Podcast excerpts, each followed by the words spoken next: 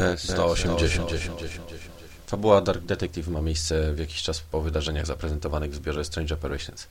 W Gotham rozpoczyna się gorący okres politycznej walki o fotel gubernatora. Bruce Wayne postanawia wesprzeć finansowo jednego z kandydatów, Ivana Gregoriego.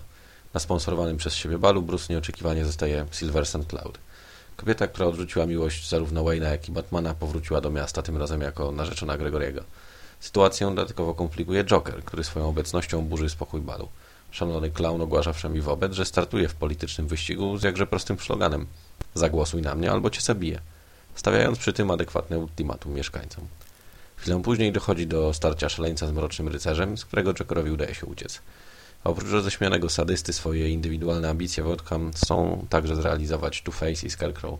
Wygląda na to, że Batman znów ma pełne ręce roboty. Legendarny zespół komiksowy w składzie Englehart, Rogers, Austin Chakry i Workman powracają w tej sześcioczęściowej miniserii do uniwersum Nietoperza po ponad 30-letniej przerwie. Trudno jednak przyznać mrocznemu detektywowi miano sukcesu. Zacznijmy od plusów. Englehart konsekwentnie wdziela w życie swoją wizję Batmana na przekór przekombinowanym pomysłom współczesnych scenarzystów. Nie jest paranoicznym sadystą ani miejskim komandosem, a dojrzałym, zdrowym psychicznie człowiekiem planującym każdy następny ruch. To pierwszorzędny wojownik i nadzwyczajny detektyw zarazem, który nie tyle szybko rozwiązuje łamigłówki, co potrafi przewidzieć przyszłe działania przestępców. Symbol terroru dla kryminalistów, ale i nadziei dla niewinnych. Dla wielu jest to właśnie definitywny Batman, niepowtarzalny, nie przypominający ani trochę Punishera czy Moon Knighta z Marvela. Następnym pozytywem miniserii jest kreowanie interesującej postaci.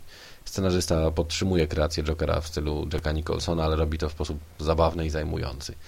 Na tym istotne plusy tej pozycji jednak się kończą.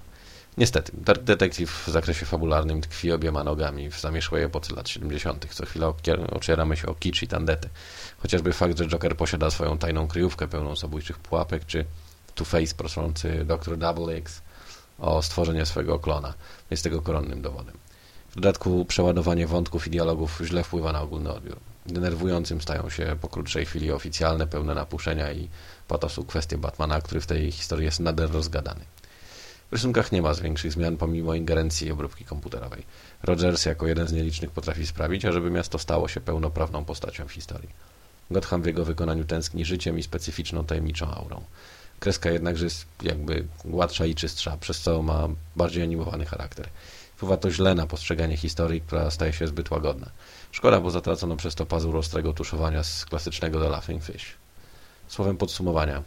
Dark Detective polecam wszystkim entuzjastom Strange Apparitions. Inni, a w szczególności młodsi czytelnicy mogą poczuć się rozczarowani niewygodnym, oldschoolowym nastrojem. Warto wtedy spojrzeć na okładkę pierwszego zeszytu miniserii, świetnie śpisującą się jako plakat. Robi piorunujące wrażenie na ścianie. Pozdrawiam. Chudy.